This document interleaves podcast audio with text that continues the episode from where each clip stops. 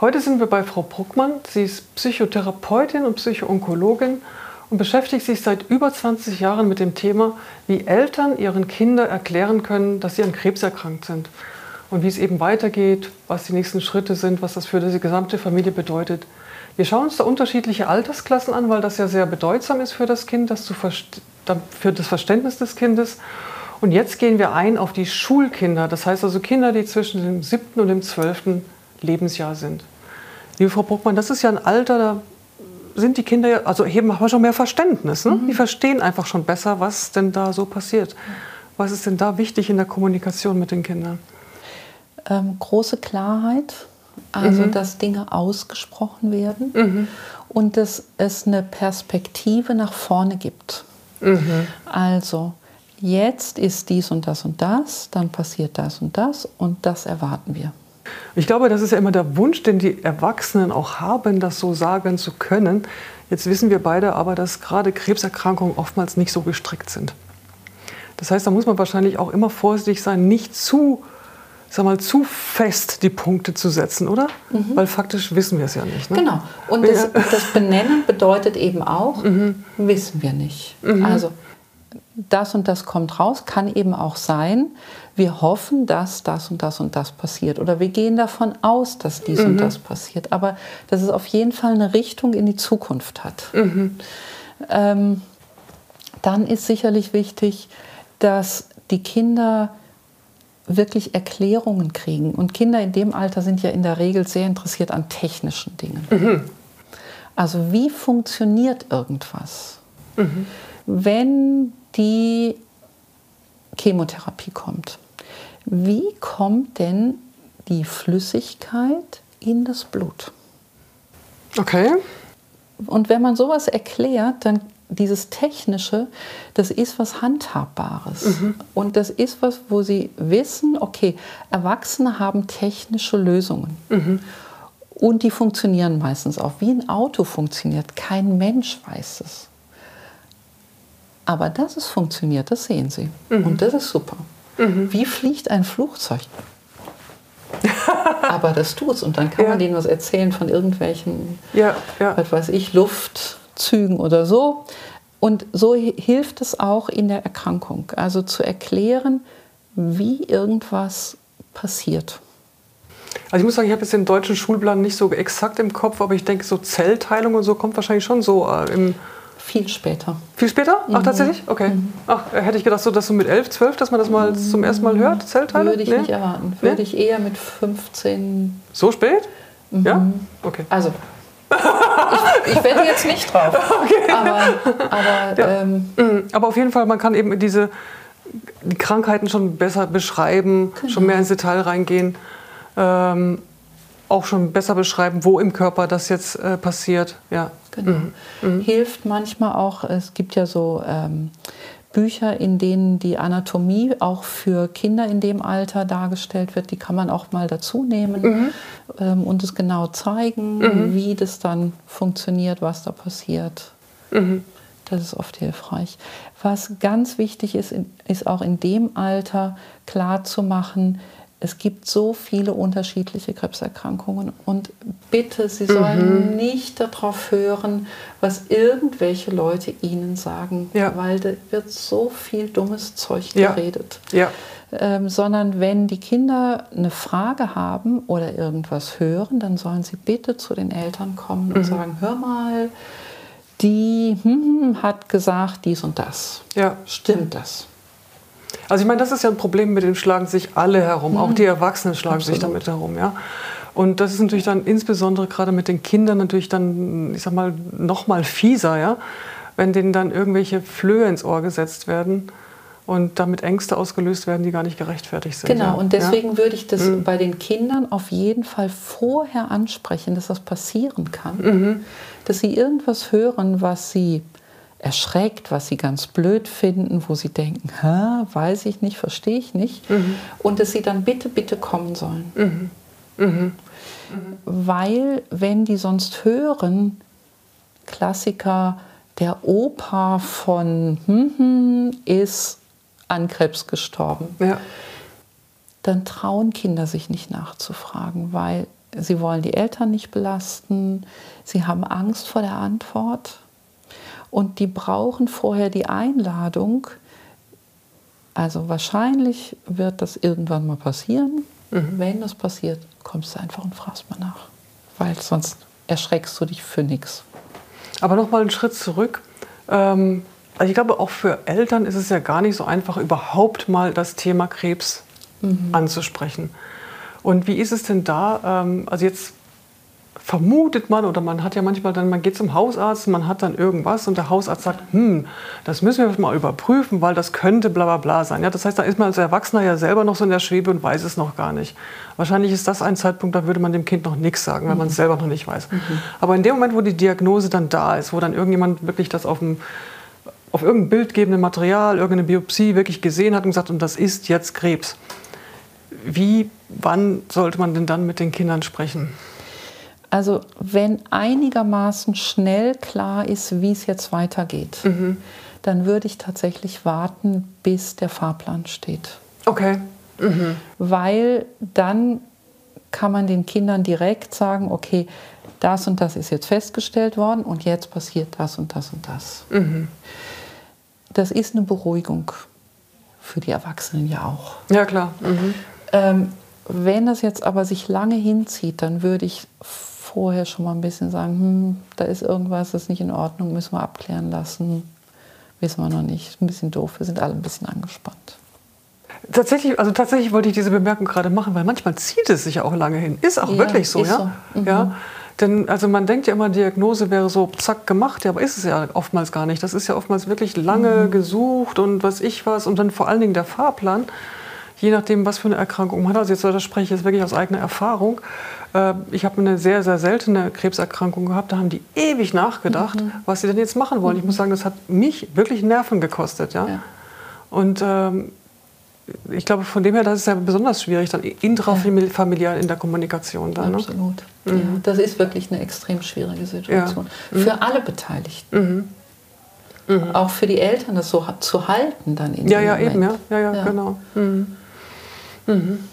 Und da würde ich auch tatsächlich vorwarnen, das gilt eigentlich auch für alles andere, aber, aber besonders in der Situation, wir sind gerade ein bisschen angespannt. Kann sein, dass ich mal ein bisschen ungerecht werde. Okay. das schießt manchmal nach hinten. Ja, ich weiß, du bist angespannt, aber deswegen brauchst du mich nicht gleich anmeckern. Ja. Ähm, ja. Aber trotzdem, dass es zugeordnet ist, wenn die Nerven gerade mal dünn sind. Ja, ja. Und jetzt haben wir gesagt, Fahrplan würden wir erklären, aber wie, wie sehr würde man ins Detail gehen mit der Erkrankung? Also ich denke mal, man würde ja vielleicht dann auch nicht also nicht, wahrscheinlich nicht zu sehr ins Detail gehen mit allen Risiken und allen, nee. was da alles noch. Äh Nein, die Kinder müssen im Prinzip wissen, was ist es für eine Erkrankung, wie heißt die, mhm. ähm, welche, welche Therapien sind jetzt angedacht, mhm. also Chemotherapie, Antikörper kann man vielleicht noch erklären, Bestrahlung, Operation. Mhm. Ähm, und dann kann man noch sagen, keine Ahnung, die Chemotherapie, die kriege ich als, als Infusion, die läuft dann irgendwie so rein mit so einem Tropf oder ich kriege die als Tabletten, wie auch immer. Ähm, und mehr braucht es eigentlich nicht. Mhm. Mhm. Wenn die nachfragen, kann man ja beantworten. Okay. Aber, aber das würde ich nur auf Nachfrage machen. Mhm. Und antworten muss man ja auch selber immer erstmal können. Ne? Das ist ja dann auch, auch das der nächste ja, Punkt. Das ja? tatsächlich. Ja, ja, ja. ja, ja. Mal Kinder, die denken sich dann ja auch immer alles Mögliche aus und denken sich dann ja vielleicht auch, okay, jetzt hat meine Mutter, mein Vater hat Krebs gekriegt, kriege ich dann jetzt auch Krebs? Mhm. Klassische Frage. Klassische Frage, ja. Mhm. Gestellt oder ungestellt? Weil, also ich würde sagen, 90 Prozent der Kinder haben die. Ah, okay. 90 Prozent? Mhm. Ah, okay. 20 mhm. Prozent stellen sie. Und wie geht man dann mit den 70, die das nicht mhm. stellen, um? Mhm. Wenn ich es rieche, spreche ich es an. Mhm. Und tatsächlich ist es ja so. Also wenn ich, wenn Eltern wissen, dass es eine genetische Komponente gibt, dann besteht ja tatsächlich mhm. das Risiko. Und dann unter Umständen auch zu sagen, keine Ahnung, ob du das kriegst. Aber nicht als Kind und später gucken wir dann mal, mhm. sehen wir dann. Mhm. Oder auch wenn man davon ausgeht, es hat keine genetische Komponente, auch tatsächlich zu sagen, nee, also. Dass ich habe Pech gehabt und du wirst kein genau, Pech haben. Genau. Ja. Mhm. Mhm. Weil du hast dir vielleicht auch schon mal das Knie aufgeschlagen, aber ich habe mir nicht das Knie aufgeschlagen. Ja, ja, ja, okay, das ist ein guter Vergleich. Ja. Und dann eben nochmal diese berühmte Schuldfrage, dass Kinder denken, sie wären schuld daran mhm. und so weiter. Wenn ich es rieche, spreche ich es an. Mhm. Ich warte nicht darauf, dass sie es ansprechen. Mhm. Sondern wenn ich irgendwie denke, der ist so verdruckst und irgendwie komisch, mhm. könnte das sein? Könnte sein, vielleicht macht er sich da Gedanken. Dann zu sagen, aber machst du dir da Gedanken drum, ob du da was mit zu tun hast? Und schafft man es den Kindern, das wirklich wieder auszureden? Oder ist das nur so eine oberflächliche Beruhigung, die aber äh, nicht wirklich weggeht? Naja, also von einmal sagen kann gut sein, dass es nicht mhm. reicht. Das heißt, wenn ich es nochmal rieche, muss ich es nochmal wiederholen. Mhm. Ich weiß, wir haben da schon mal drüber gesprochen, aber ich dachte gerade, vielleicht denkst du das trotzdem. Mhm. Aber ich sag's dir, nein, nein. Mhm. Hast du nichts mit zu tun. Mhm. Meine Krankheit Pech. Okay. Du, du hast da nichts mit zu tun. Tatsächlich ist auch zu wiederholen. Ja, mhm. ist bestimmt gut, ja. Mhm. ja. Das geht uns Erwachsenen ja auch nicht anders. Ja, ja, klar. Wir müssen manche Dinge auch öfter hören. Oh ja. ja. Ja, so ist es ja. Und bei ähm, also Schulkinder, sie sind ja schon auch wirklich dann ein bisschen verständiger und denken ja auch schon mehr in die Zukunft und eben fragen sich, was ist denn, wenn Vater oder Mutter eben nicht mehr gesund wird? Mhm. Was ist denn dann auch, weiß ich was, wer, zum Beispiel, wenn der Vater jetzt krank ist und die Kinder verstehen das ja, er ist derjenige, der das, also jetzt klassisch gesprochen, äh, der das Geld verdient, vielleicht ist es die Mutter, die das Geld verdient, aber egal, also der, derjenige, der das Geld verdient, ja, und wenn der jetzt krank ist, wie wird, was wird dann aus mir, was wird aus unserer Familie? Ja, ja das sind wichtige Fragen und ich würde die unbedingt beantworten. Mhm. Also wenn tatsächlich das Elternteil, was das Geld verdient, erkrankt mhm. und das andere Elternteil ist zu Hause, dann zu sagen, okay, also jetzt gibt es erstmal Krankengeld, mhm. Lohnfortzahlung, dann Krankengeld und, und dann ist der Papa oder die Mama wahrscheinlich wieder gesund. Mhm. Aber wenn alle Stricke reißen und es wäre nicht so, dann würde Folgendes passieren, keine Ahnung. Mhm. Dann gäbe es eine Rente oder dann gäbe es, dann würde ich anfangen zu arbeiten mhm. oder mhm dann springen die Großeltern ein oder keine Ahnung, irgendwas. Ja. ja. Aber dass es tatsächlich einen Plan gibt. Mhm. Das heißt, den Kindern immer helfen, sozusagen einen positiven Ausblick in die Zukunft zu mhm. haben. Ja, ja. Und zwar einen realistischen. Ja, ja, ja, okay. Das äh, sozusagen dieses magische Denken, was die Kinder haben, sollte man als Erwachsene nicht, äh, sich nicht auch anziehen. Ne? Genau. Ja, ja. ja. Was, glaube ich, manchmal schon auch unsere Tendenz ist, oder? Absolut. Absolut. Ja. Also ich denke, da, da lebt ja viel von der Alternativmedizin davon. Ja. Das ist ja ganz viel magisches Denken. Ja. Ja gut, ich glaube, dass halt gerade dann in solchen schweren Situationen vielleicht jemand, der sonst die Tendenz, Tendenzen nicht hat, dann plötzlich eben in die Richtung geht. Mhm. Ja. Mhm. Also ich denke ganz viele von, zum Beispiel von den Diäten. Mhm. Das ist magisches Denken. Mhm wenn ich nur das, das, das esse und nicht das, das, das, das, dann kann mir nichts passieren. Okay. also ähm, Kinder denken ja auch oftmals, wenn sie dann ein richtiges Verhalten haben und dann geht die Krankheit wieder weg. Und dann ist ja manchmal das richtige Verhalten einfach brav sein, was ja sag mal, noch einigermaßen logisch, also logisch in Anführungsstrichen mhm. ist. Aber manchmal gibt es dann ja auch wirklich so richtig magische Sachen, nicht, dass sie dann irgendwelche komischen, abstrusen Sachen sich ausdenken damit die Krankheit wieder weggeht. Mhm. Wie, wie, geht man denn damit sinnvollerweise um? Das braucht wirklich dann, also wenn, wenn ich das sehe, muss ich noch mal klar sagen, ich freue mich super, wenn du so brav bist und von selber dein Zimmer aufräumst. Aber mit der Krankheit hat das nichts zu tun. Mhm. Mhm. Und das ist, glaube ich, auch wichtig, oder? Ja. Also dann sich nicht einfach nur freuen, dass das äh, Zimmer aufgeräumt ist, mhm. sondern wirklich tatsächlich auch diesen Zusammenhang dann nochmal klar zu machen. Ne? Ja. Und oder eben nicht Zusammenhang. Den Nicht-Zusammenhang, ja. genau. Ja. Jetzt sprechen wir ja über Schulkinder Und da ist es ja quasi, ich sag mal, ein Automatismus, dass bei Schulkindern Schulprobleme entstehen, wenn ähm, ein Elternteil so schwer erkrankt ist. Sage ich nee. das so oder ist das nee? Das ist eigentlich nicht, ne? Nee, stimmt nicht. Stimmt nicht, okay. Aber es gibt Kinder, es gibt, bei denen. Ja. Okay. Wie würden Sie es einschätzen? Wie ist es ungefähr? 15 Prozent. Oh, ach wirklich? Mhm. Das heißt, der größte Teil kommt, kommt da glatt durch? Ganz du gut durch. Ah, ach, das hätte ich tatsächlich falsch. Okay. Freut mich zu hören. Das heißt, ja. die Kinder sind deutlich resilienter, als man meint. Ja. Mhm.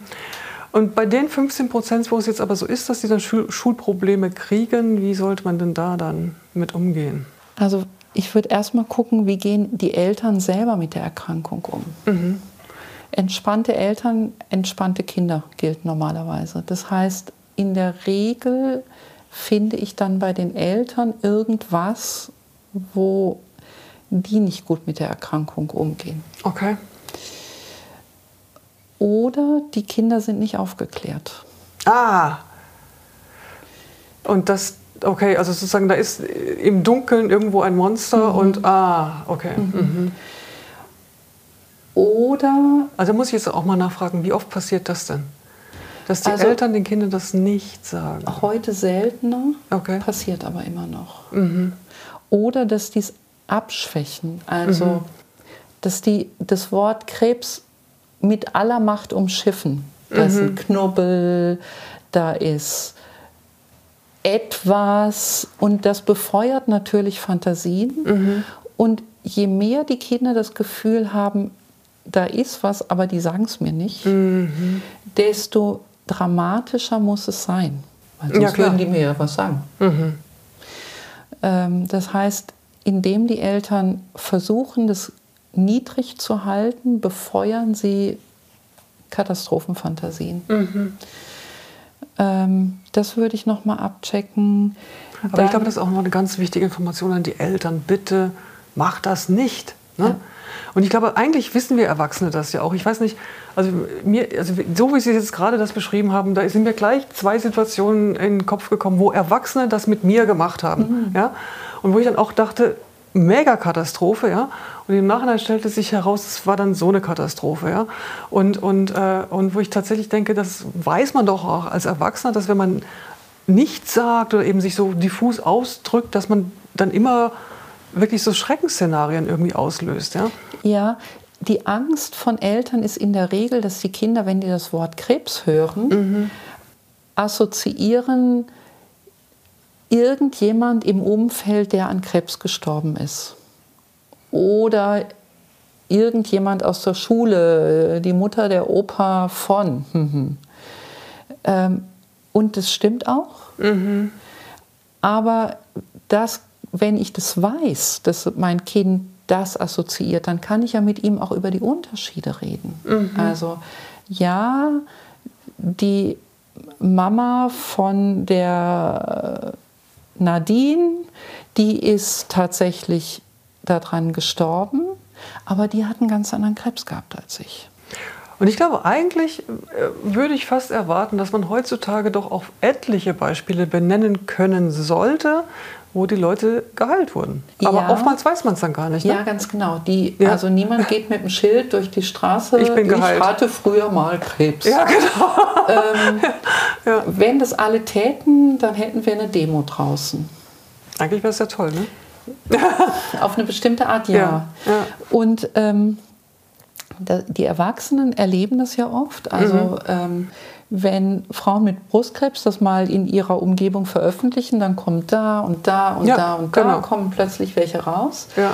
Ähm, aber diese Beispiele haben die Kinder ja nicht. Die, so, die Eltern auch nicht. Die kriegen die dann manchmal. Mhm. Mhm. Wenn es so Beispiele gibt, super. Mhm. Also wenn man zum Beispiel sagen kann, ja, die Oma hatte auch früher mal Krebs. Und schon lange vorbei und nichts. Ja, Wusstest genau. du noch gar nicht, ne? Mhm. Mhm. mhm.